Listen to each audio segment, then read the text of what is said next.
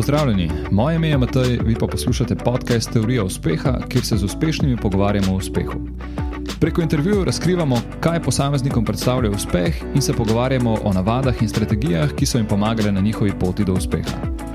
Vsak drugi teden pa objavljam tudi krajše, petminutne solo epizode, kjer z vami delim svoje monologe, nasvete oziroma moje filozofiranje iz naslonjača. Tokratni epizodi bo tekla debata o tem, s čim se ima smisel obremenjevati in s čim se nima smisla obremenjevati.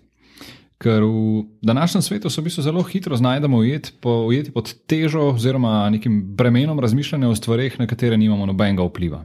Če samo malo pomislimo, kaj vse nas bremeni. Uh, naprimer, v zadnjem času volitve v ZDA, makroekonomska slika v post-korona obdobju, um, slabo vreme, uh, politične razmere, teorije zarote, rezultati nogometne tekme in še bi lahko našteval.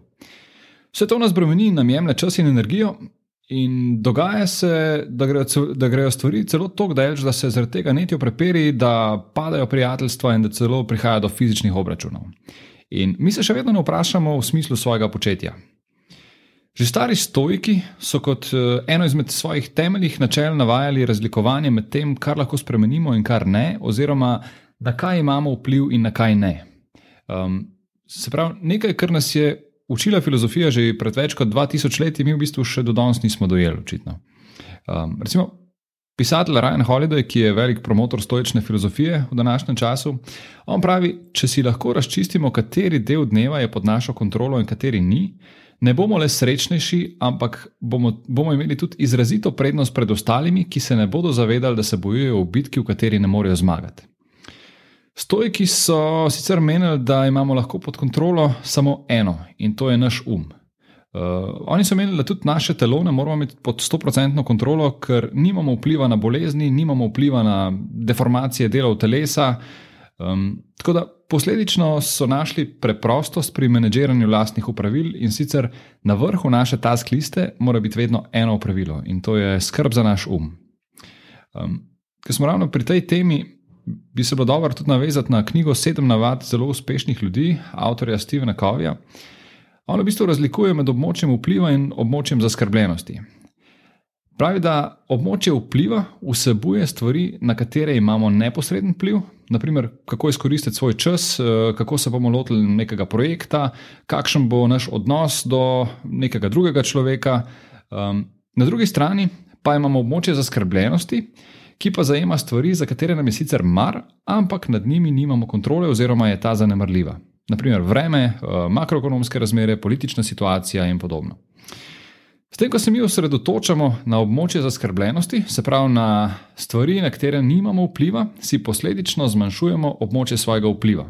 Ker pač naš čas je omejen in več, ki ga mi potrošimo za osredotočanje na območje zaskrbljenosti, se pravi na tiste stvari, katere, na katere nimamo vpliva, manj imamo časa na voljo za tiste stvari, na katere dejansko imamo nek vpliv. In ker se osredotočamo na stvari, na katere nimamo vpliva in nas to povrh vsega še bremeni, sistem tudi povišujemo raven stresa, skratka, sami zase ne naredimo čist nič dobrega. Viktor Frankl, preživeli zapornik uh, taborišča Auschwitz in avtor knjige Man's Search for Meaning, je napisal: Edine stvari, ki mi je ne morete vzeti, je način, kako se odločam, da se odzivam na to, kar mi naredite. Zadnja svoboda je, da si lahko izberem lasten odziv v katerih koli okoliščinah. On se je očitno zavedal načela, ki so ga poučevali že stojki, in je znal kontrolirati svoj um tudi v situacijah, katere so za večino od nas verjetno posebno nepredstavljive. Sam predstavljamo si, da je bil v taborišču soočen z nekimi najhujšimi oblikami nasilja in ponižanja, ki ga je človek kdajkoli povzročil so človeku. Ampak on je znal obdržati fokus, znal je obdržati smisel za življenje, um, znal je obdržati svojo samozavest in se vrnil iz taborišča živ. Za primerjavo pa lahko vzamemo današnjo moderno družbo, kjer prihaja do ekstremov, ko mladi dobesedno ne preživijo, govorim o dejanskih smrtnih primerih, ker njihova objava na socialnih omrežjih ni bila deležna želene pozornosti. Um, in ob tem se vprašam, zakaj se mi od maga učimo vsa neka znanja, ki so v bistvu samo za enkratno uporabo. Um, mi se nekaj naučimo, odpišemo nek test in na vse lahko mirno pozabimo, ker tega najverjetneje ne bomo nikoli v življenju rabili.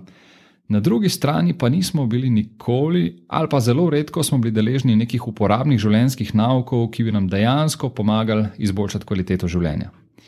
Tako da, Ko se naslednjič znajdeš na napačni poti in se zalotiš, da te bremenijo neke stvari, na katere nimaš nobenega vpliva, preprosto pritisni na zavoro in zavestno preusmeri svoj tok misli na pozitivno stran.